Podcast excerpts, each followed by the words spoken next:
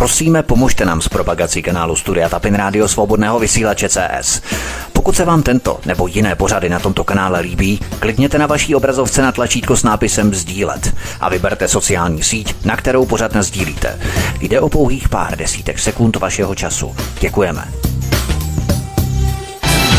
Příjemný, krásný, dobrý večer, dámy a pánové, milí posluchači od mikrofonu svobodného vysílače nebo na kanále Odisí vás zdraví vítek, vítejte při poslechu druhé epizody z čtyřdílného cyklu Průvodce pandemickou galaxií a neb jak globalisté připravili COVID-19.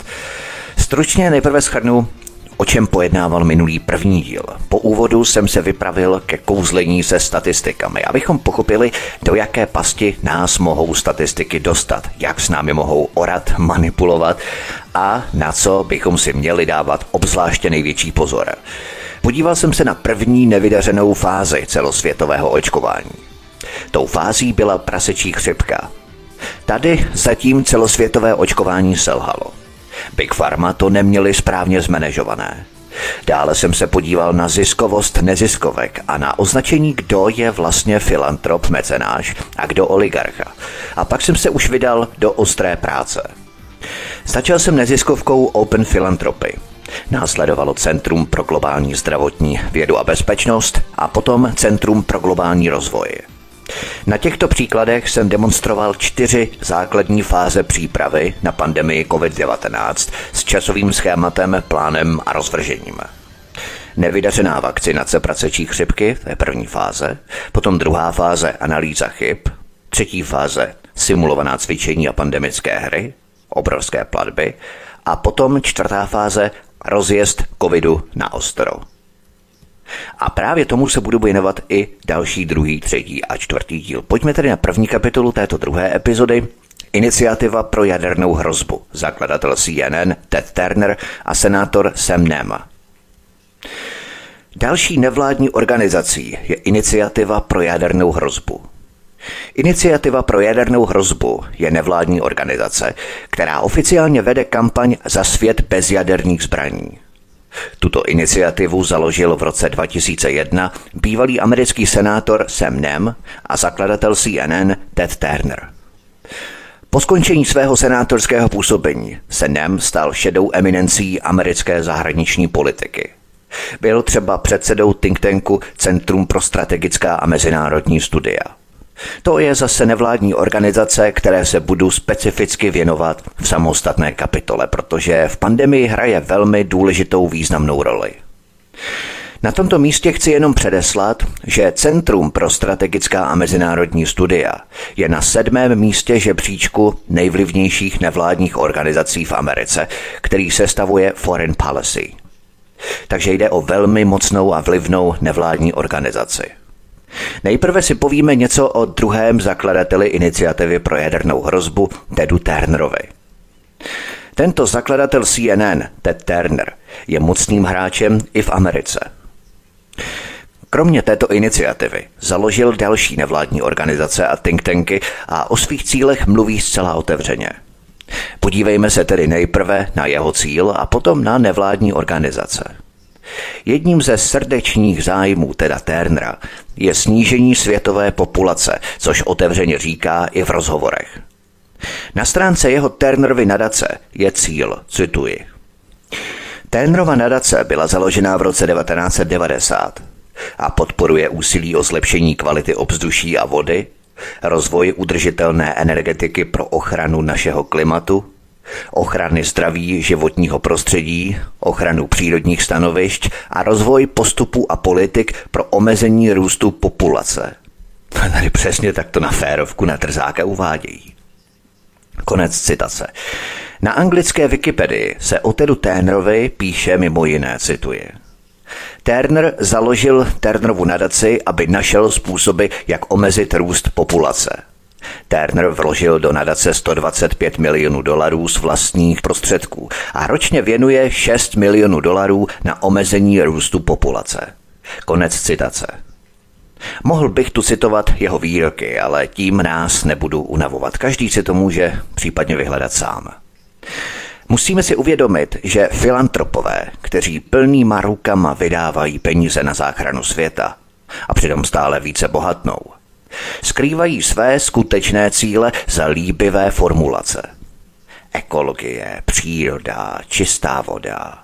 Ale ve skutečnosti prasácký boj za vylidňování planety, depopulace obyvatel planety. Proto stojí za to se znovu podívat, co nevládní organizace, které Ted Turner založil a financuje, skutečně financují a za co lobují. Pojďme na další kapitolu PPP projekty. Nevládní organizace mají různé funkce.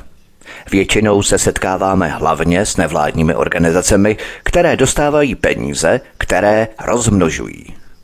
Existují ale i nevládní organizace, které jsou obecně označované jako think tanky nebo think factory. Jejich cílem není primárně bohatnout. Jedná se o vlivné nevládní organizace, které radí politikům a našeptávají jim žádoucí agendy s pomocí odborníků, konzultantů, konferencí, studií a podobně. V předchozí kapitole jsem se zmínil o seznamu nejvlivnějších think tanků v Americe – také jsem dodal, že téměř všechny mají překvapivě malé roční rozpočty a ani jejich dotace nejsou příliš impozantní. Přesto mají takový vliv, že určují americkou politiku. V těchto think pracují lidé, kteří následně přebírají vládní funkce.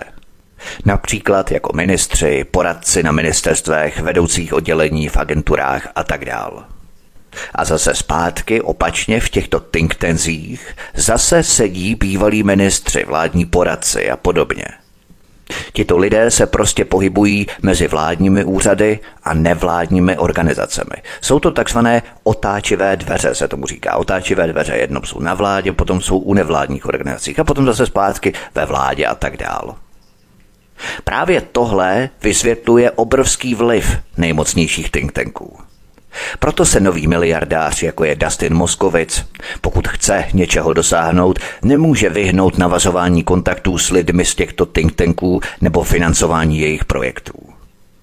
Abychom to pochopili, musíme mít na paměti, že existují dva typy nevládních organizací. Jeden je nechutně bohatý, chce ještě více zbohatnout a získat moc. Ten druhý typ má skutečný klíč k moci – tato hranice ale není vytesaná do kamene. Existují přesahy, kdy se k vlivu časem dostává i nechutně bohatá vládní organizace. Například nadace Billa a Melindy Gatesových. I ona ovšem začala v malém a zpočátku financovala ty, kteří mají klíč k moci – Jakmile navíc Bill Gates dosáhl potřebného vlastního vlivu, založil vlastní, už mezinárodně aktivní nevládní organizace CEPy a GAVI. Ty přímo vykonávají moc. Jejich prostřednictvím Bill Gates dosadil své lidi do vlád a státních úřadů, ať už jako rozhodující činitele nebo jako nejdůležitější poradce těchto činitelů. Jediný rozdíl je v tom, že Bill Gates se neomezuje na Ameriku, ale dělá to cíleně mezinárodně, jak uvidíme na mnohých příkladech. Jde tedy o moc. Jedním ze způsobů, jak získat moc, je poskytnout vládám odborníky, které se neziskovka sama platí jako vládní poradce. Nebo dokonce udělat z vlastních lidí z neziskovky ministry nebo dokonce šéfy vlád. Existuje ale i přímější, i když zdlouhavější cesta. Ideální je uzavírat partnerství s vládami a mezinárodními organizacemi, aby se zvýšil vlastní vliv na ně. Samozřejmě to neziskovka musí veřejnosti chytře prodat. V tomto partnerství neziskovky s vládou jde o zásadní věc. O tom, kudy povede cesta, už nerozhodují lidé jako voliči, ale takto rozhodují bohatí a vlivní lidé z neziskovek, tedy oligarchové. Aby to prezentovali v pozitivním světle, vytvářejí hezké termíny, jako je partnerství veřejného a soukromého sektoru, PPP. Zní to dobře, ale je to přesně to, co jsem popsal. Jde o zvýšení politického vlivu korporací a oligarchů, kteří korporace vlastní. A co je ještě důležitější? Jde o to, že státy převádějí spoustu peněz daňových poplatníků na filantropické projekty těchto oligarchů, na kterých ve skutečnosti oni vydělávají. Veřejnosti se jako zdůvodnění říká, že soukromý sektor je mnohem efektivnější než stát.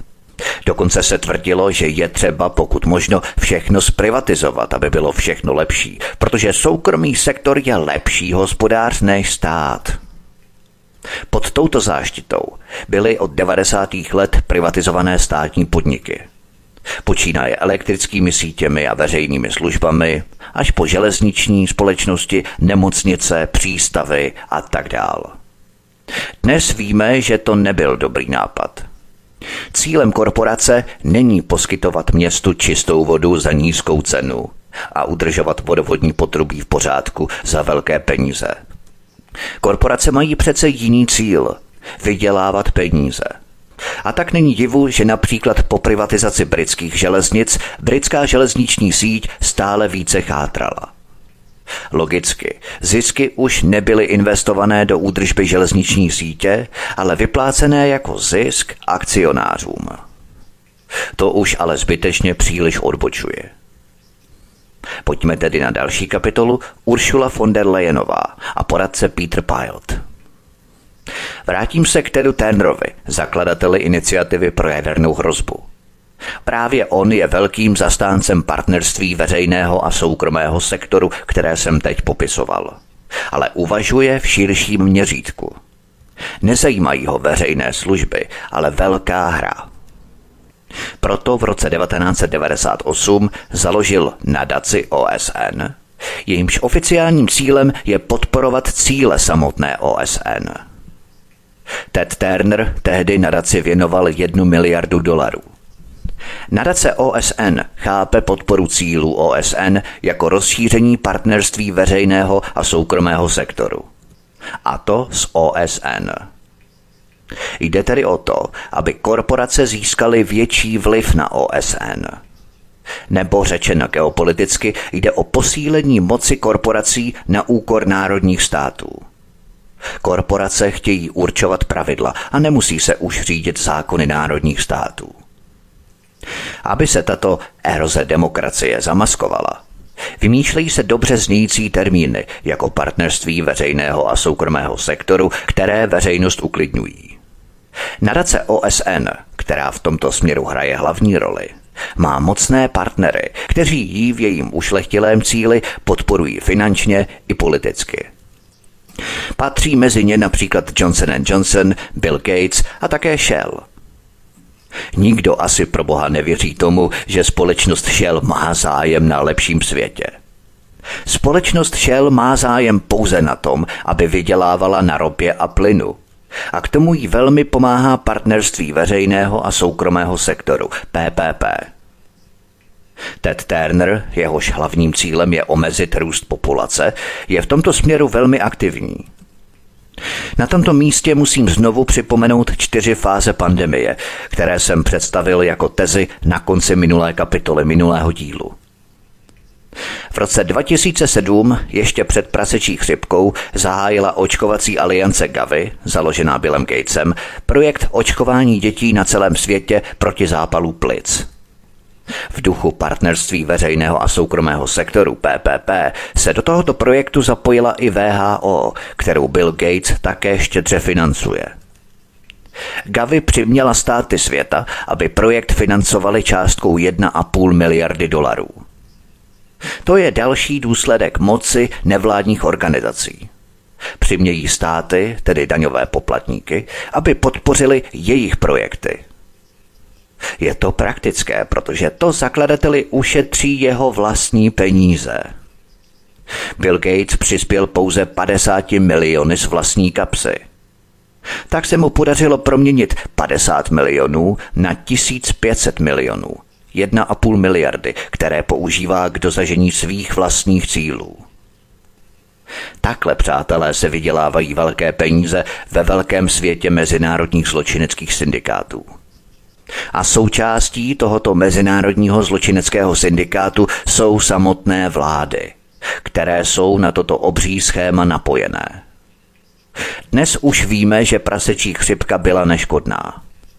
Víme také, že od roku 2010 probíhaly konference a akce organizované farmaceutickým průmyslem a jeho lobistickými združeními, které analyzovaly tento neúspěch masového očkování proti neškodné prasečí chřipce. Jedním z financiérů těchto akcí byl opět Bill Gates a samozřejmě jeho Gavi. Heidi Larsonová a její Vaccine Confidence Project, o kterém jsem hovořil minule, je také podporovaný Billem Gatesem. Tento projekt Heidi Larsonové probíhal na londýnské škole hygieny a tropické medicíny. Jenže tuto školu vede Peter Pajot, který je manželem Heidi Larsonové. Jehož londýnská škola byla financovaná Billem Gatesem částkou více než 180 milionů dolarů. Peter Pajot, manžel Heidi Larsonové, je od roku 2009 také vedoucím pracovníkem nadace Billa a Melindy Gatesových. Peter Pajot je v podstatě malý Jeremy Comendike, protože je členem poradního COVID týmu Evropské komise. Je také osobním poradcem šéfky Evropské komise Uršuly von der Leyenové, nebo zasedá v představenstvu CEPy Billa Gatese – Peter Pajot ve všech těchto funkcích našeptává rozhodujícím činitelům v Evropské unii, co by si Bill Gates přál realizovat. Vidíme tady to obrovské napojení osob, které se protkávají obřími nadacemi a vládami. Zaměřím se teď zpátky na iniciativu pro jadernou hrozbu založenou Tenem Turnerem a její úlohu v přípravě na pandemii. Tento dlouhý úvod o Tedu Turnerovi jeho cílech a konexích, byl bohužel nezbytný pro pochopení souvislostí. U této iniciativy existuje obecný rozpor, protože oficiálně prosazuje jadernou bezpečnost a svět bez jaderných zbraní jako svůj konečný cíl.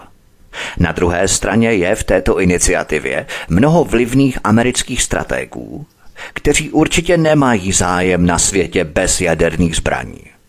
Jde tedy o pravý opak – přiživovat hrozbu jaderných a biologických útoků a hrozeb. To znamená virů a pandemí.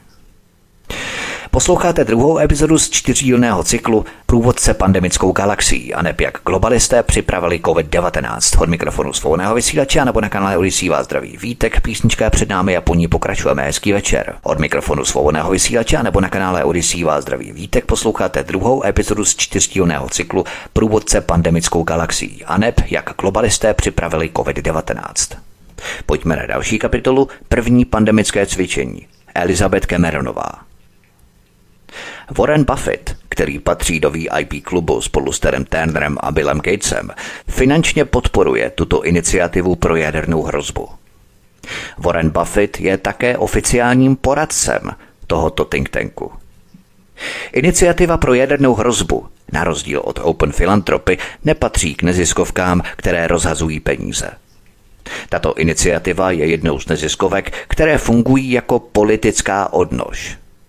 Iniciativa tak získává finanční podporu od jiných neziskovek, aby mohla lobovat za politické cíle a nakonec jich dosáhnout.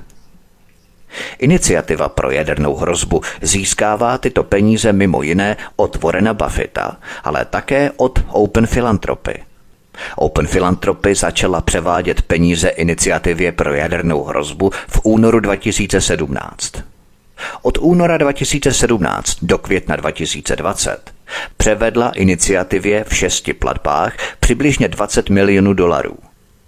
Všechny tyto platby byly opět určené na biologickou bezpečnost a pandemickou připravenost. Opět platby od února 2017. Časová osa. Přibližně 4 miliony šly na podporu globálního indexu zdravotní bezpečnosti – který iniciativa poprvé zveřejnila v roce 2019. Za zvláštní zmínku stojí platba, kterou Open Philanthropy provedla ve prospěch iniciativy pro jadernou hrozbu v říjnu 2017. Tehdy Open Philanthropy převedla na jednou 6 milionů dolarů na podporu programu biologické bezpečnosti. Jako zdůvodnění napsala, cituji – Náš vedoucí programu biologické bezpečnosti a připravenosti na pandemie Jajme Jasiv považuje iniciativu za jednu z nejvlivnějších a nejefektivnějších organizací na světě, která se zabývá snižováním rizik plynoucích se zbraní hromadného ničení a má zvláštní důvěru v doktorku Elizabeth Cameronovou, která nedávno nastoupila do iniciativy, aby vedla její program biologické bezpečnosti. Konec citace. Musíme se tedy zákonitě ptát, kdo je Elizabeth Cameronová, ve kterou má Open Philanthropy tak velkou důvěru, že se chystala vysázet šest míčů. Elizabeth Cameronová má doktorát z lidské genetiky a molekulární biologie, který mimochodem získala na univerzitě Johnse Hopkinse. Potom udělala kariéru. Je členkou velmi vlivné rady pro zahraniční vztahy. A za prezidenta Baracka Obamy byla v Pentagonu zodpovědná za biologické zbraně. Když se Donald Trump stal prezidentem, odešla v roce 2017 do neziskovek a po Bidenově nástupu do funkce se opět vrátila do Pentagonu. Už dříve jsem uvedl, že od roku 2017 je vidět, jak se stále více plánovaly simulace a cvičení o tom, jak se vypořádat s pandemií. A právě jednou z těch, kdo aktivně organizovali tyto simulační hry a cvičení, byla Elizabeth Cameronová v rámci své práce v iniciativě pro jadernou hrozbu.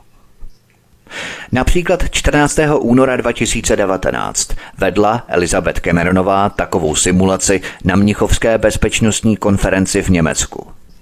Tato simulace zahrnovala školení vrcholných mezinárodních rozhodovacích orgánů, jak reagovat na biologické události.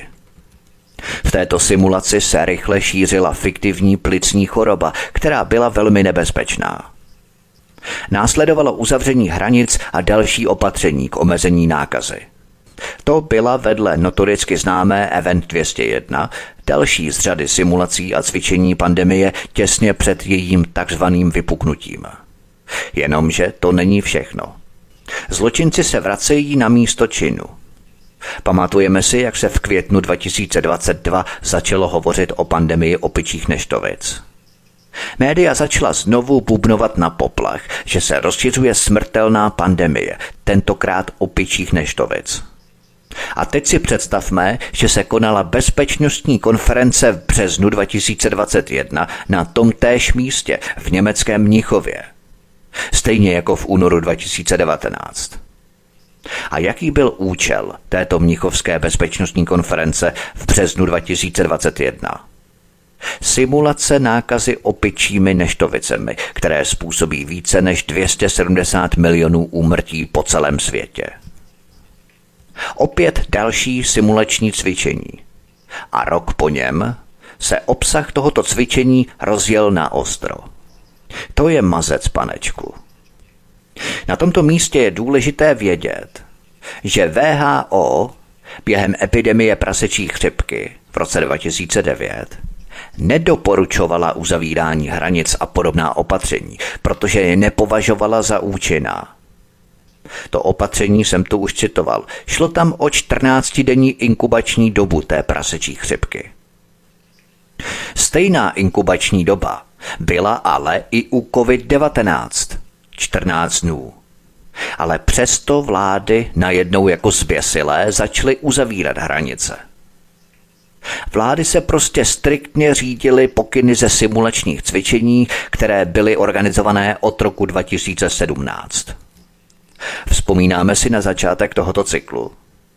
Hovořil jsem o tom, že vlády musely nechat lidi pocítit důsledky pandemie, přestože se s ní lidé ještě nesetkali. Uzavření hranic, roušky, lockdowny, respirátory přesně splňovaly takový účel. Vyděsit lidi, aby strach prostupoval celou společností, vyvíjet nátlak. Lidé se řádně naklepou, vyděsí, vystraší a jsou pak poddajnější k ochotě se nechat očkovat ze strachu z nákazy. Nebo aby mohli ty hranice vůbec překročit. Není proto divu, že v simulačních cvičeních, kterých se účastnili vysoce postavení vládní činitelé a jejich poradci, byla právě taková opatření opakovaně doporučovaná. A když pak VHO v roce 2020 vyhlásila pandemii, všichni udělali přesně to samé jako v těch simulačních cvičeních. Jednou z těch, kdo to od roku 2017 aktivně připravovali v simulačních cvičeních a koncepcích, byla právě Elizabeth Cameronová. A ta se od roku 2021 dokonce vrátila na rozhodující pozici v americké vládě, aby sama realizovala to, co vypracovala dříve v iniciativě pro jadernou hrozbu za finanční podpory Open Philanthropy. Musíme se podívat ještě na jednu velmi zásadní skutečnost. Je pozoruhodné, že před pandemií Open Philanthropy a také ostatní neziskovky vyplácely miliony na přípravu na možnou pandemii. Ovšem, když pak přišla skutečná pandemie, z velké části přestali vyplácet platby na pandemii. Je to logické. Vždyť přece všechny tyto neziskovky, které se starají o naše blaho, by měly právě na počátku pandemie spustit velké platby na boj s pandemí, na kterou se tak důkladně připravili. Nebo ne? Samozřejmě, že ne. Protože jak je vidět, žně pro ně začaly hned na začátku pandemie. Příprava se mnohonásobně vyplatila. Pojďme na další kapitolu. John Kengasong z Kamerunu. Podívejme se tedy teď na další příklady této přípravy. Kromě Mezinárodní očkovací aliance Gavi založil Bill Gates také koalici pro inovace v oblasti připravenosti na pandemii CEPI – Mimochodem to bylo v roce 2016, potom co byla dokončená analýza chyb prasečí chřipky a probíhaly přípravy na úspěšnou pandemii. K projektu CEPI Billa Gatese, který spolupracuje s VHO, se vrátím později. Jedním z členů správní rady CEPI je virolog dr. John Kengasong z Kamerunu.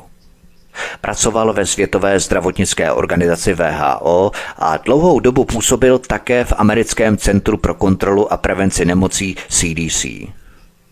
Jen pro ty z nás, kteří to neznáme, je to velmi důležitá agentura amerického ministerstva zdravotnictví a sociálních služeb. Každý, kdo chce ovlivnit rozhodnutí americké vlády v této oblasti, by se měl s doktorem Kengasongem zpřátelit. A to je přesně to, co udělala i iniciativa pro jadernou hrozbu. Najala si doktora Kengasonga a platí ho jako konzultanta. Kromě toho, jak jsem řekl, je také na výplatní listině Billa Gatese prostřednictvím CEPy. V roce 2016 se také stal ředitelem Afrického centra pro kontrolu a prevenci nemocí. Bill Gates a iniciativa pro jadernou hrozbu si tak zajistili vliv na jednu z klíčových osobností, která pak určovala pravidla během pandemie. Doktor Kenga Song se totiž v souvislosti s pandemí stal jedním ze sedmi zvláštních vyslanců VHO. Poslání těchto vybraných zvláštních vyslanců VHO je, cituji, šířit pokyny VHO týkající se připravenosti a reakce na COVID-19, zapojit se do propagace na vysoké úrovni a politické angažovanosti, poskytovat strategické poradenství v oblasti připravenosti, akce a reakce a odezvy na ohniska COVID-19 a tak dále. VHO tedy poskytuje zemím světa pokyny, podle kterých by měli postupovat proti COVID-19. Autorem těchto pokynů je mimo jiné doktor Kenga Song, který je už léta na výplatní listině neziskovek a think tanků. Když VHO společně s Evropskou unii a G20 pořádala v květnu 2021 globální summit o zdraví, byl doktor Kengasong jedním z hlavních předních odborníků. Když už mluvím o globálním zdravotnickém summitu 2021, vzpomínáte si na Petra Pilota? Jenom pro připomenutí, ať v tom nemáme galimatyáš a zmatek, Peter Pajot je manželem Heidi Larsonové a šéfem Londýnského institutu financovaného Billem Gatesem částkou přes 180 milionů dolarů. Peter Pajot je také mimo jiné zvláštním poradcem šéfky Evropské komise Uršuly von der Leyenové pro COVID-19. A právě tento Peter Pajot spolu s doktorem Johnem Kengasongem V květnu 2021 řekli zemím světa, co mají dělat s COVID-19.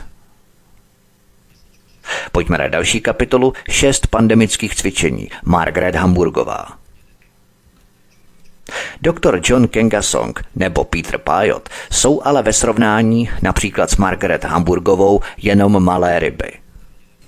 Tato dáma je lékařka, udělala kariéru v Americe a už za prezidenta Billa Clintona získala vedoucí postavení ve zdravotnictví v americké vládě. Potom se vydala do neziskovek. Spolu s doktorem Kengasongem je členkou poradního sboru Iniciativy pro jadernou hrozbu. Je také předsedkyní Americké asociace pro rozvoj vědy, největší vědecké společnosti na světě a editorkou několika časopisů, včetně Science. Margaret Hamburgová působí třeba v Centru pro strategická a mezinárodní studia. Je členkou Rady pro zahraniční vztahy, Council on Foreign Relations, je členkou vědeckého poradního výboru nadace Billa a Melindy Gatesových, je členkou správní rady Aliance pro očkování Gavy, byla také na zakládajícím zasedání CEPy, je členkou strategického poradního výboru pro infekce Wellcome Trust a je také poradkyní pro globální zdraví na Washingtonské univerzitě, která hraje významnou roli v pandemii v Americe. Margaret Hamburgová je skutečně těžká váha. A teď se dostávám ke stěžejní části této kapitoly. Opakovaně hovořím o tom, že od roku 2017 se simulační cvičení pro případnou pandemii hromadily. To ukážu na dalším příkladu simulačních cvičení, které organizovala pouze Univerzita Johnse Hopkinse. Bylo jich pět. První simulace se jmenovala Dark Winter, temná zima. Konala se 22. až 23. června 2001. Organizovalo ji Centrum pro strategie civilní biologické obrany Johnse Hopkinse spolu s Centrem pro strategická a mezinárodní studia a dalšími organizacemi. Simulace zahrnovala fiktivní útok na Neštovice.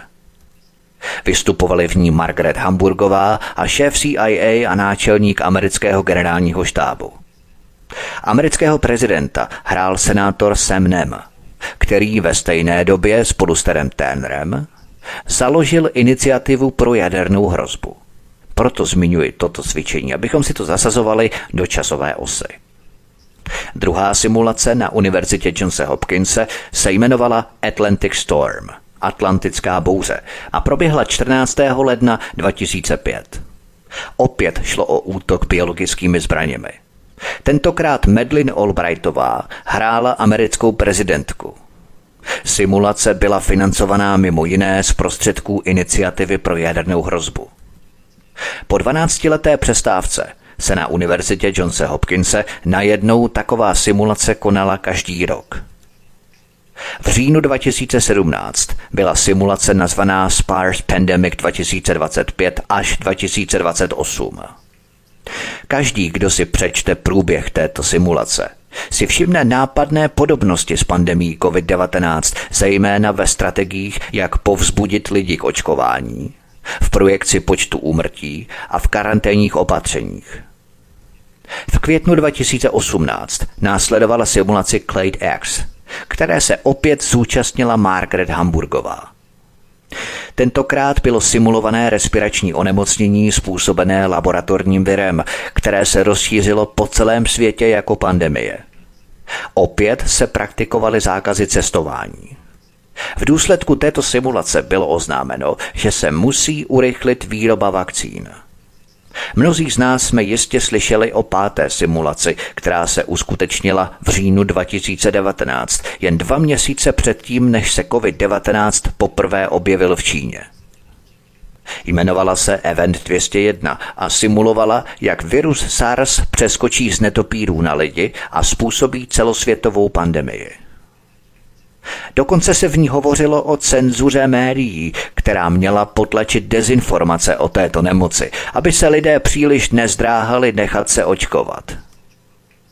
V podstatě jediný rozdíl oproti skutečné pandemii COVID-19 byl ten, že virus se v této simulaci nevyskytoval v Číně, ale v Brazílii.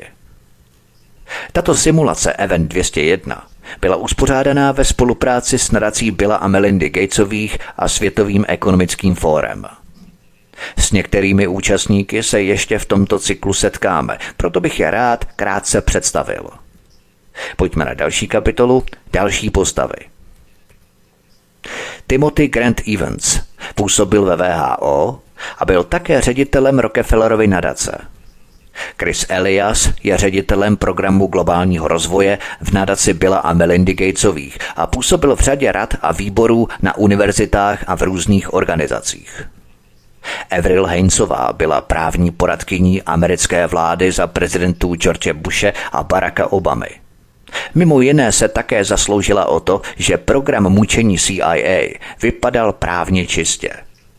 Za Obamy se zase zasloužila o to, že zabíjení americkými drony které zabíjely tisíce nevinných civilistů jako vedlejší škody, vypadalo právně legálně. Za Obamy se stala také zástupkyní šéfa CIA. Když se Donald Trump stal americkým prezidentem, dostala práci na Kolumbijské univerzitě a hrála roli v Event 201. Prezident Joe Biden ji po svém zvolení v listopadu 2020 jmenoval koordinátorkou zpravodajských služeb. Je také velmi zajímavé, že se Event 201 zúčastnil George Fugao. George Fugao je čínským virologem a imunologem. Především je generálním ředitelem Čínského centra pro kontrolu a prevenci nemocí CDC. Margaret Hamburgová byla v době konání Event 201 zaneprázdněná jinde. Koncem října se totiž zúčastnila akce Milkenova institutu nazvaného Univerzální vakcína proti chřipce s doktorem Anthony Faucim, hlavním poradcem americké vlády pro pandemii. Podotýkám konec října 2019 univerzální vakcína proti chřipce. Téměř opravdu měsíc a půl před začátkem covidu. Američtí vládní úředníci, včetně Anthony Fauciho, hovořili o potřebě hodit systém do povětří, aby se obešla regulační kontrola mRNA vakcín. Stalo se tak 29. října 2019, pouhé dva měsíce, necelé dva měsíce před objevením prvních pacientů s COVID-19 v Číně. Ještě jednou, dva měsíce před vypuknutím pandemie COVID-19, vládní úředníci odpovědní za regulační kontrolu léků a vakcín hovoří o obcházení této regulační kontroly – Cítíte se už bezpečněji, když vám radí tito zodpovědní vládní úředníci, kteří chtějí obcházet regulace vakcín? Posloucháte druhou epizodu z čtyřdílného cyklu Průvodce pandemickou galaxií a neb jak globalisté připravili COVID-19. Od mikrofonu svobodného vysílače nebo na kanále Odisí vás zdraví Vítek, písnička před námi a po ní pokračujeme hezký večer. Od mikrofonu svobodného vysílače nebo na kanále Odisí vás zdraví Vítek posloucháte druhou epizodu z čtyřdílného cyklu Průvodce pandemickou galaxií a neb jak globalisté připravili COVID-19. Pojďme na další kapitolu. Centrum pro globální rozvoj po druhé. Během tohoto celého cyklu budu provádět průběžná schrnutí, které lze vyčíst z předkládaných údajů a dat.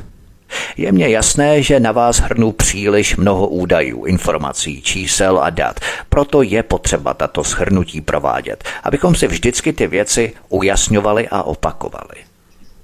Tedy stručně schrňme, že na jedné straně existují nevládní organizace, které zakládají bohatí lidé jako nadace nebo nadační fondy, aby legálně unikli zdanění svého majetku a dále bohatli.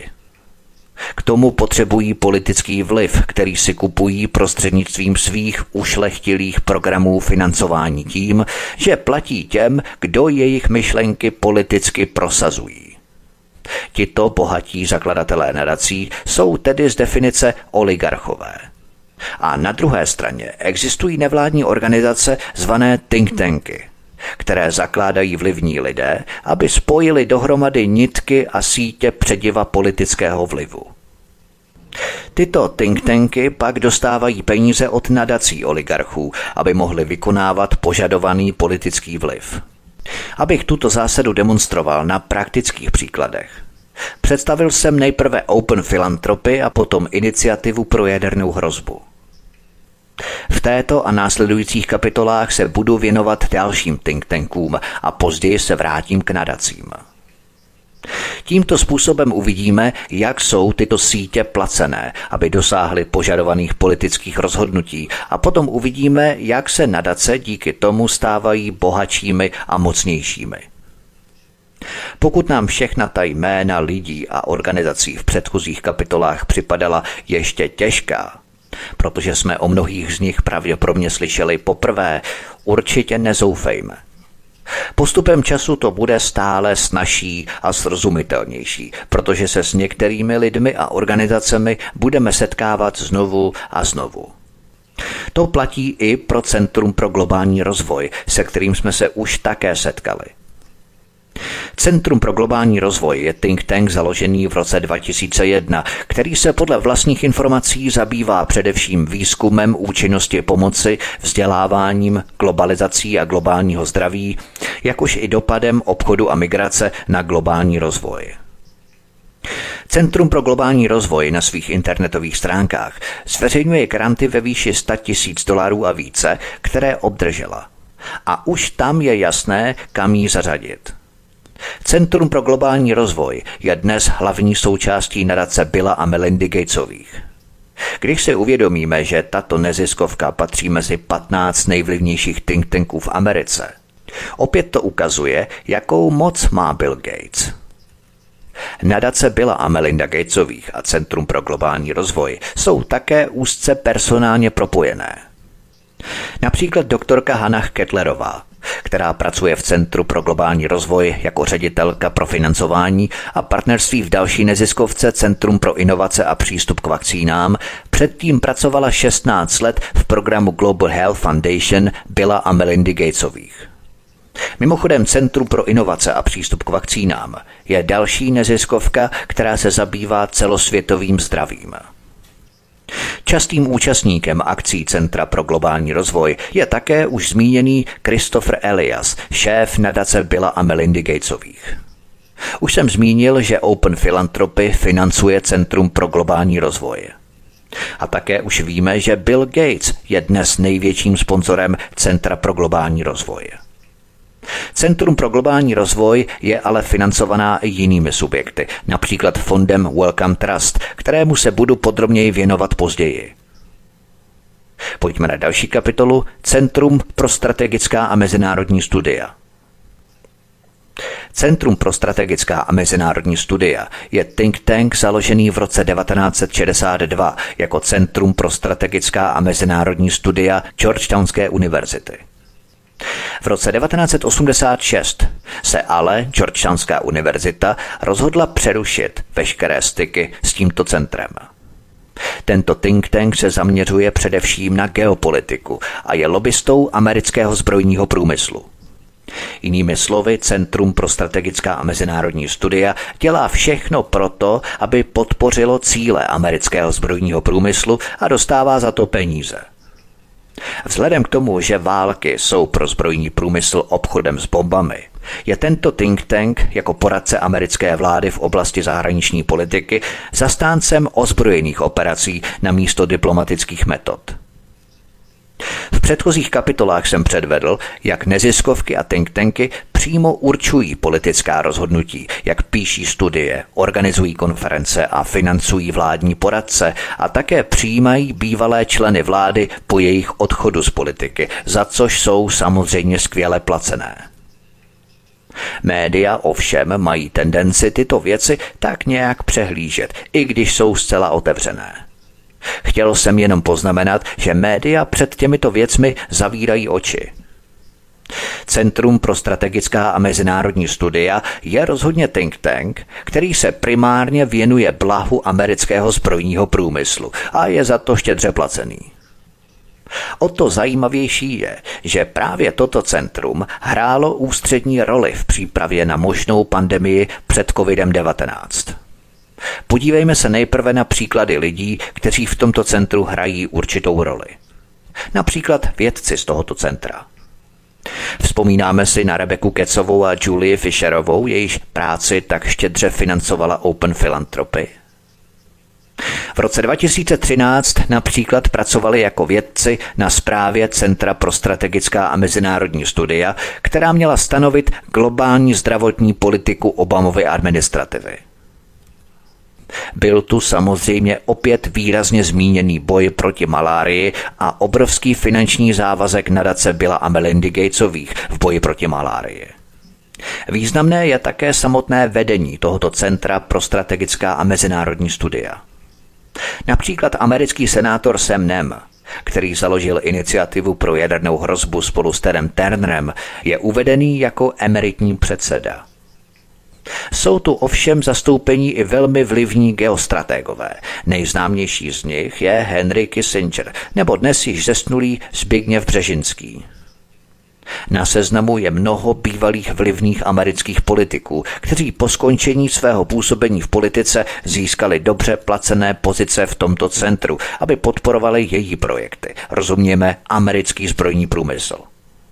Asi není přehnané si myslet, že aktivně také pomáhali i v době svého působení v politice, jinak by těžko dostali tato dobře placená místečka jako poděkování za podporu.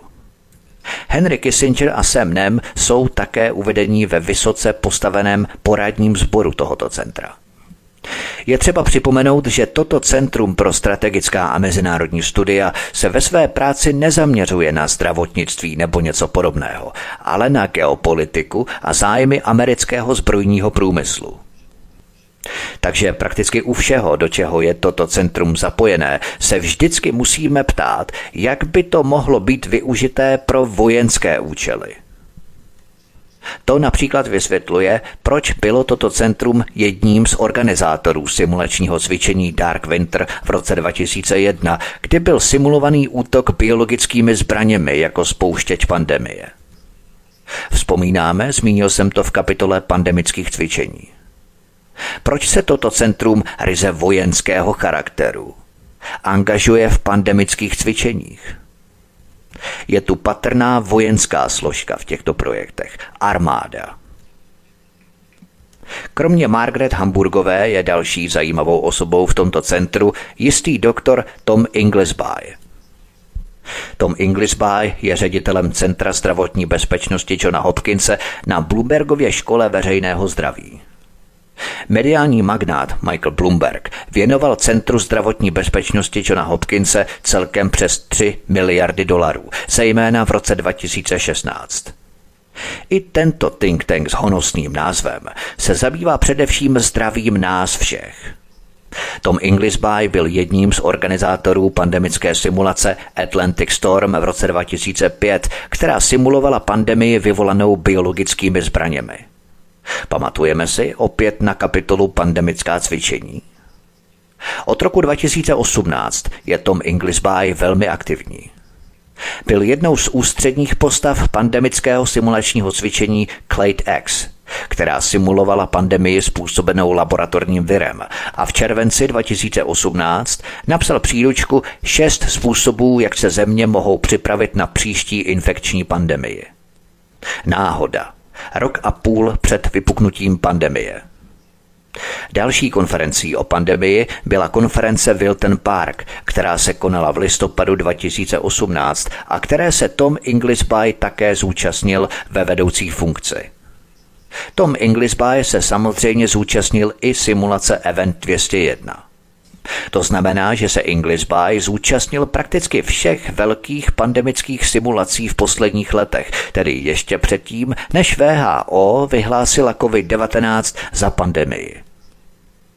Pojďme na další kapitolu Rockefellerova nadace poprvé. Rockefeller je určitě jedním z nejznámějších jmen na světě. O jeho majetku, nebo spíše o majetku klanu Rockefellerů, koluje nespočet fám.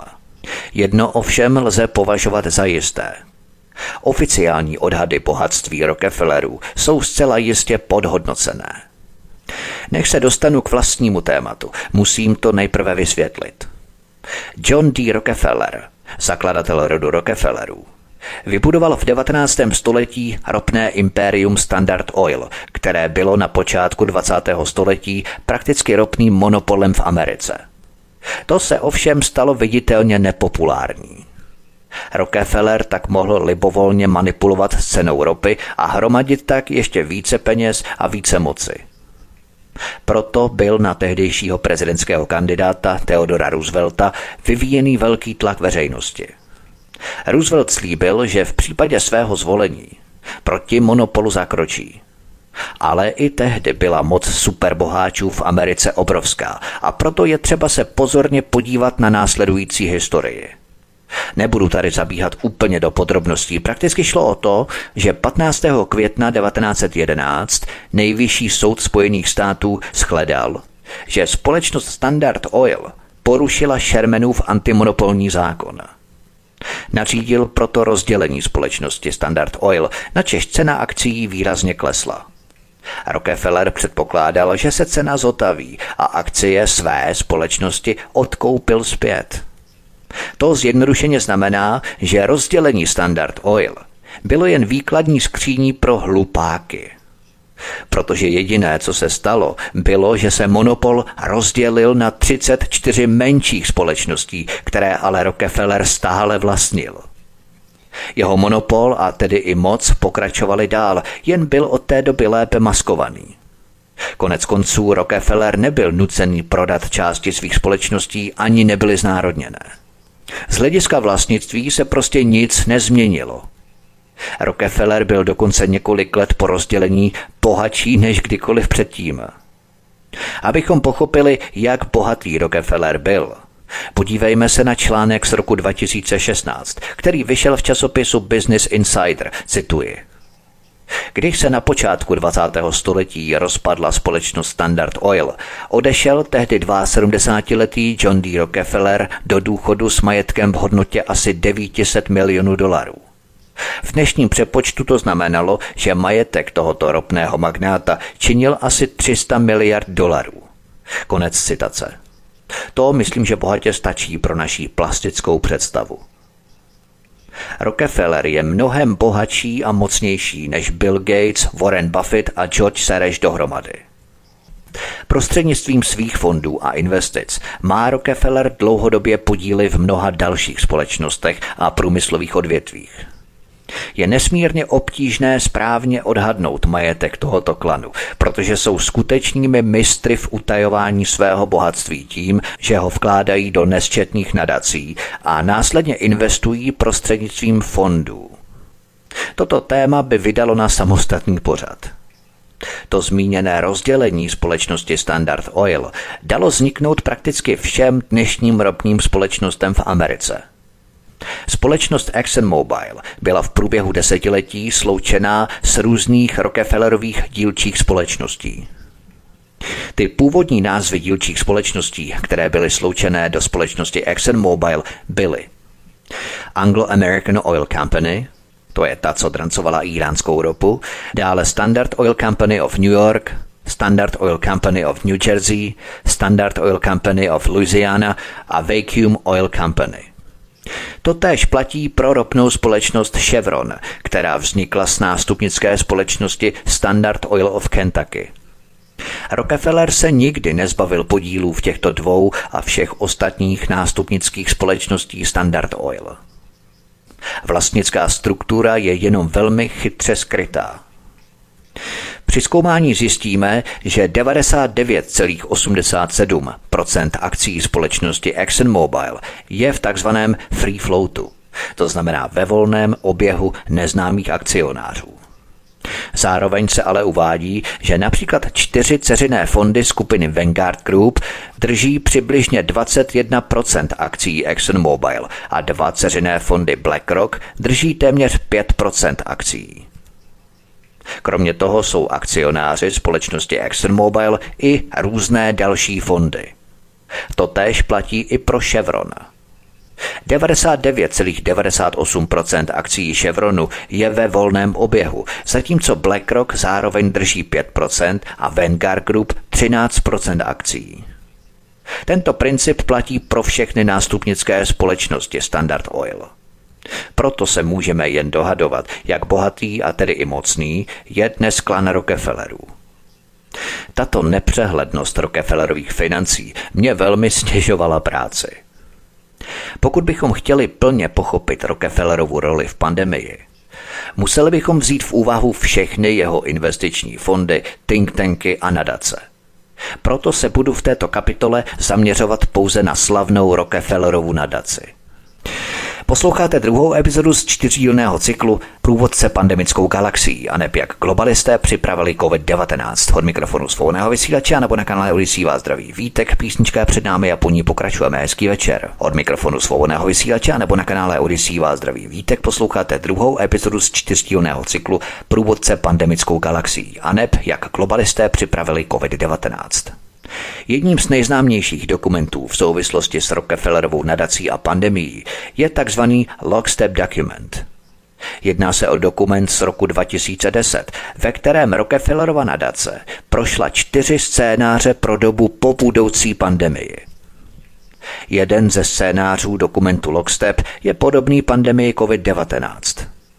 Proto se na internetu šíří zvěsti, že Rockefeller všechno předvídal a plánoval už v roce 2010. Osobně si nemyslím, že je to pravda, protože pokud by to skutečně plánoval, musel by být v tom dokumentu jediný scénář. Byly tam ale čtyři scénáře. Nicméně tento dokument Lockstep je zajímavý, protože pokud ho zařadíme do naší teze, že současná pandemie byla plánovaná, pak přesně zapadá. Po selhání hromadného očkování během prasečí chřipky následovala analýza selhání. Tomu by odpovídalo, že Rockefeller v roce 2010 přemýšlel o opatřeních, která je třeba přijmout v případě další pandemie. Podle mého názoru byl právě rok 2010 začátkem druhé fáze, tedy brainstormingu a analýzy chyb a z toho vyplývajících úvah, jak to v budoucnu dělat lépe. Tato fáze zahrnuje také prezentaci Heidi Larsonové, kterou jsem zmínil dříve v minulém díle. Heidi Larsonová už na základě analýzy chyb předložila návrhy budoucích opatření. A od roku 2016-2017 vidíme na nesčetných simulačních cvičeních, konferencích a programech financování, jak se na základě zjištění z druhé fáze analýzy chyb přechází k fázi třetí, tedy k realizaci a přípravě. Rozhodně to ale není důkaz, že Rockefeller už v roce 2010 přesně věděl, jak se věci vyvinou. To, že se na pandemii připravovalo, dnes už nikdo nespochybňuje. Konec konců to otevřeně říkají všechny ty konference, programy financování a plánovací simulační cvičení. Zřejmě na to měl vliv i dokument Lockstep, protože scénář Lockstepu uvádí například, cituji, za prvé je přijímaný a obhajovaný více kontrolovaný svět. Občané se dobrovolně vzdali své suverenity a svého soukromí výměnou za větší bezpečnost a stabilitu. Občané byli tolerantnější k pokynům z hora a většímu dohledu, dokonce jej dychtivě vyžadovali a vůdci vydávali pokyny, které považovali za vhodné. Ve vyspělých státech se nadměrný dohled projevil v mnoha podobách. Například biometrické pasy pro všechny občany. Konec citace. Neuvěřitelné, že? To byl prosím pěkně dokument z roku 2010. Každý si ho může vyhledat a přečíst. A tohle se psalo v roce 2010. Tehdy byl mobilní internet ještě v plenkách a chytré telefony mělo jen velmi málo lidí. A převeďme to teď do dnešní doby. Z biometrických průkazů se staly elektronické očkovací pasy a sledovací aplikace nebo dokonce projekt ID 2020, ke kterému se ještě dostanu. Ty paralely a scénáře Lockstep s pandemí COVID-19 jsou zřejmé. A proto je logické, že dokument Lockstep hrál významnou roli při brainstormingu od roku 2010. Pojďme na další kapitolu Ráží v šách. Než se dostanu k tomu, co Rockefellerova nadace financovala a organizovala v souvislosti s přípravou na pandemii, podívejme se ještě na některé klíčové osoby, které se na Rockefellerově nadaci podílely. Šéfem Rockefellerovy nadace je Rážív Šách, muž narozený v Americe v roce 1973. Jeho rodiče emigrovali do Ameriky z Indie ještě před jeho narozením. Studoval ekonomii a zdravotnictví a byl zřejmě velmi nadaným studentem, protože už během studia byl jeho výzkum financovaný americkou vládou částkou půl milionu dolarů. V roce 2001 se Ráčí Šách připojil k nadaci Billa a Melindy Gatesových, kde vedl několik programů, včetně programu rozvoje zemědělství v Africe, který Bill Gates financoval společně s Rockefellerovou nadací. V této době přišel Ráčí Šách s důležitým finančním nástrojem. Mezinárodním finančním nástrojem pro očkování. Už mnohokrát jsme se přesvědčili o tom, že štědří zachránci světa, jako je Bill Gates, ve skutečnosti přispívají na své projekty jen malými částkami, zatímco většinu nechávají vysolit daňové poplatníky západních zemí, tedy samotné státy. Předpokládám také, že zachráncům světa nejde o ušlechtilé projekty, ale o vydělávání peněz – a právě tady přichází na řadu šáhův mezinárodní finanční nástroj pro očkování. Ve skutečnosti je to finanční nástroj očkovací aliance Gavi, kterou v roce 2001 založil Bill Gates a věnoval jí miliardy. Na stránce investorského centra Gavi si můžeme přečíst o dluhopisech na očkování, které Gavi představila, cituji. Očkovací dluhopisy jsou zajímavé i pro investory, kteří hledají společensky odpovědnou investici s jasným a jednoznačným účelem.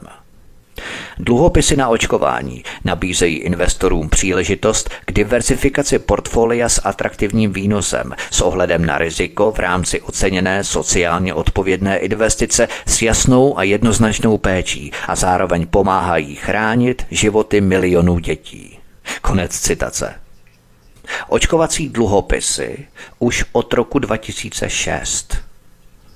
Neuvěřitelné. V roce 2018 hovořila Aruma Otehová, viceprezidentka Světové banky, ve svém projevu o úspěchu tohoto nástroje očkovacích dluhopisů, který navrhl Ráží v šách. Cituji. Další výzvou, která byla řešena prostřednictvím inovativního financování, je poskytování vakcín nejchudším zemím světa. Za tímto účelem byl v roce 2006 zřízený Mezinárodní finanční nástroj pro očkování. Používá se k předfinancování vakcín prostřednictvím vydávání dluhopisů na vakcíny, které jsou podložené právně závaznými přísliby dárců. Mezinárodní finanční nástroj pro očkování obdržel 6,5 miliardy dolarů od dárců, které během 25 let vyplatí Austrálie, Francie, Itálie, Nizozemsko, Norsko, Jihoafrická republika, Španělsko, Švédsko a Velká Británie. Světová banka, která je zodpovědná za financování tohoto mezinárodního nástroje pro očkování, pomohla tomuto finančnímu nástroji získat na kapitálových trzích v uplynulém desetiletí více než 5,7 miliardy dolarů. Konec citace. To zní přece vznešeně, že? Podívejme se ale na to, co Aruma Otehová skutečně řekla. Řekla jasně – Gavi Billa Gatese dostává od výše uvedených států přísliby, že v budoucnu poukážou Gavi, této soukromé organizaci Gavi Billa Gatese, miliardy dolarů ze státních peněz. Aby měli investoři peníze okamžitě k dispozici, mohou si od Gavi koupit dluhopisy na očkovací látky, jejichž splacení, včetně úroků, nepřímo garantují státy, nikoli Bill Gates. Kdyby chtěl Bill Gates skutečně zachránit svět, mohl by přece sám utratit pro něj směšnou částku 6,5 miliard dolarů za vakcíny. Nebo by mohl alespoň těch 6,5 miliardy zálohovat z vlastní kapsy a pak je od těch států v průběhu let získat zpátky bez účtování úroků. Bill Gates to ale nechtěl udělat. Místo toho schromažďuje přísliby od států a prodává je jako cené papíry Gavy. Garantované státem investorům, kteří pak získávají úroky z peněz na pomoc přislíbených státy. Ale to není všechno. Kromě toho Bill Gates také vydělává na penězích, které má Gavi k dispozici na nákup vakcín. Proč? Protože jeho nadace je akcionářem společností, které dodávají objednané vakcíny. Jednoduše řečeno, Gavi není charitativní organizace, která chce nezjištně zachránit svět prostřednictvím očkování za peníze Billa Gatese. Je to mimořádně sofistikovaný obchodní model, ve kterém Bill Gates vydělává peníze několika způsoby. Obchodní model Gavi který spočívá ve schromažďování co největšího množství vládních peněz s malým množstvím vlastních peněz. Tyto peníze se pak utrácejí za věci, na kterých nakonec vydělává sám ušlechtilý mecenáš. To Ráží však dovedl úplně k dokonalosti vytvoření mezinárodního finančního nástroje pro očkování. Vzpomínáme si, jak jsem hovořil o partnerství veřejného a soukromého sektoru. Přesně tak to je myšleno. Miliardář vloží trochu peněz, státy pak k tomu vloží mnohonásobně více peněz. A tyto peníze jsou pak utracené ve smyslu ušlechtilého miliardáře na podporu jeho politických nebo obchodních zájmů. Dalším velmi důležitým pojmem v této souvislosti jsou cíle udržitelného rozvoje. S těmito cíly udržitelného rozvoje OSN v souvislosti s přípravou na pandemii se setkáváme stále. Tyto cíle udržitelného rozvoje zmiňuji jen proto, že se s nimi neustále setkáváme – Například projev viceprezidentky Světové banky Arumy Otehové, který jsem citoval, se také týkal cílů udržitelného rozvoje, ačkoliv se o mezinárodním finančním nástroji pro očkování zmiňovala jen okrajově. Vraťme se ale ke kariéře Ráji Fašáha. Rájiv Šáh se stal v roce 2009 šéfem proslulé americké agentury pro mezinárodní rozvoj USAID. My už víme, že tato agentura je parním válcem, který dobývá svět pro americké korporace.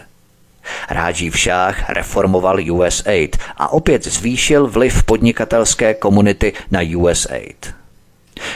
v Šách také mimochodem prošel programem Young Global Leaders Světového ekonomického fóra Klause Schwaba, podobně třeba jako český Karel Janeček a další. V roce 2017 byl Ráží Všách zvolený prezidentem Rockefellerovy nadace. To znamená, že je zastoupený také v mnoha velmi vlivných tintenzích, například v trilaterální komisi založené Davidem Rockefellerem v Radě pro mezinárodní vztahy nebo v Atlantické radě Atlantic Council, kde je uvedený jako ředitel. Tim Evans, Další velmi zajímavou osobou spojenou s Rockefellerovou nadací je Tim Evans. Je to pozoruhodný člověk. Muž, který tahá za nitky v zákulisí, ale nemá ani heslo na Wikipedii. Od roku 2015 je Tim Evans ředitelem pro zdraví výživu a obyvatelstvo ve Světové bance. Dříve působil mimo jiné v Rockefellerově nadaci – Světová banka o něm píše, že se vyznamenal rozvojem inovativních partnerství, včetně Gavi a dalších organizací. Tim Evans se od roku 2017 aktivně podílel na přípravě pandemie. Pracoval například na dokumentu Světové banky s názvem, nebudu to číst v angličtině, rovnou uvedu překlad, od paniky a zanedbávání k investicím do zdravotní bezpečnosti – financování pandemické připravenosti na národní úrovni. Tento dokument Světové banky byl zveřejněný už v prosinci 2017. Při své práci Tim Evans úzce spolupracoval s iniciativou pro jadernou hrozbu. Například na konci června 2018 uspořádala tato iniciativa pro jadernou hrozbu pozoruhodnou akci. V rámci této akce uspořádala iniciativa pro jadernou hrozbu společně se Světovým ekonomickým fórem a fórem Welcome Trust konferenci na téma biologická bezpečnost a snižování rizik. Konference se mimo jiné zúčastnila Elizabeth Cameronová, jejíž práce byla velkoryse financovaná z prostředků Open Philanthropy. 14. února 2019 se v rámci Mnichovské bezpečnostní konference konalo další simulační cvičení, které jsem několikrát zmínil. Této akce se zúčastnil také Tim Evans. Opět je třeba připomenout, že tuto akci organizovali mimo jiné Iniciativa pro jadernou hrozbu a Centrum pro globální rozvoj a financovala ji Open Philanthropy. Toto mnichovské cvičení bylo částečně řízené Globální radou pro monitorování připravenosti. Cílem této rady bylo posoudit, jak dobře jsou státy připravené na vypuknutí nemoci, tedy pandemie. Tato rada byla založena v roce 2018 pod vedením bývalé norské premiérky Gro Harlem Brundtlandové, která hraje ve VHO velmi důležitou roli. Na konci května 2019 se opět pod záštitou iniciativy pro jadernou hrozbu sešla skupina na velmi vysoké úrovni, aby analyzovala výsledky mnichovského cvičení a cvičení ve Wilton Parku v roce 2018. Mezi hlavními řečníky byli doktor Chris Elias, prezident nadace Billa a Melindy Gatesových, doktor Tim Evans ze Světové banky a doktorka Elizabeth Cameronová z iniciativy pro jadernou hrozbu. Přítomní byli také vysocí představitelé VHO a Univerzity Johnse Hopkinse. Pandemické cvičení Event 201 které se konalo dva měsíce před objevením prvních případů COVID-19 ve Wuhanu, lze považovat za závěr příprav. Opět tu byli převážně stejní lidé, například Chris Elias od Billa Gatese a Tim Evans ze Světové banky. Přítomní byli také zástupci nadace OSN, která se stará o cíle udržitelného rozvoje, Dále klíčoví partneři Světového ekonomického fóra a viceprezident společnosti Johnson Johnson. Nechyběli ani zástupci společností, jako je Lufthansa a další. To je všechno k tomuto druhému dílu průvodce pandemickou galaxií, co uslyšíte v dalším třetím díle. Budu pokračovat po druhé Rockefellerovou nadací, kterou jsem musel rozdělit na dvě části, abychom v tom měli pořádek a postupoval jsem podle určitého schématu a struktury. Pak se podívám na Welcome Trust, který pro většinu z nás není tak známý, ale patří k nejbohatším fondům na světě. Důležité budou také klíčové osoby kolem tohoto fondu, přičemž vybírám samozřejmě jen ty nejdůležitější z nejdůležitějších, abych na vás nehrnul a nechrlil více dat, údajů a informací, než je potřeba, než je nezbytně nutné. Podívám se také potom stručně na Google a jeho těsné vazby s Pentagonem a s pravodajskými službami v Americe. Budu pokračovat Světovým ekonomickým fórem Klause Schwaba. Jaké je temné pozadí tohoto fóra, se dozvíte příště. Právě pandemie COVID-19 výrazně urychlila a prosadila prvky čtvrté průmyslové revoluce a hlavně tzv. digitální identity v ID 2020. Tohle je jedna ze stěžejních věcí celé pandemie vůbec. Dále přejdu ke Světové bance, která také hrála v pandemii důležitou roli. Podívám se také na Globální radu pro monitorování připravenosti.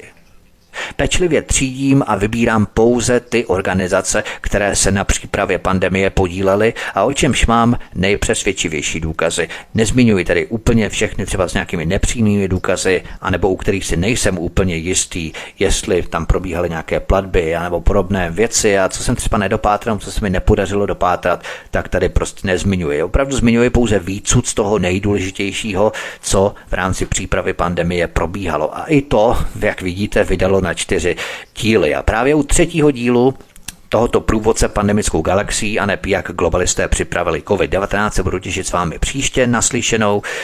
Já budu samozřejmě velmi rád, jako obvykle, když budete tento díl i ostatní díly tohoto cyklu sdílet na sociální média, rozposílovat e-maily vašim přátelům a známým kamarádům, u kterých si jste jistí, že třeba budou ochotní poslouchat a vstřebávat nové informace. Budu také rád, když mě zanecháte vaše postřehy, názory, dojmy, na tento pořad, na nějaké informace, na nějaké poznatky mé v komentářích pod pořadem tady na kanále Odyssey, když se připojíte, když budete odebírat, tak když se samozřejmě zaregistrujete na kanál Odyssey kliknutím na tlačítko odebírat na tomto kanále nebo na zvoneček, respektive zapnout notifikace, abyste nepřišli a nezmeškali další pořady, které pro vás chystám. Od mikrofonu svobodného vysílače nebo na kanále Odyssey vás zdraví Vítek, mějte se všichni krásně a u třetího dílu průvodce pandemickou galaxií se s vámi budu opět těšit na slyšenou.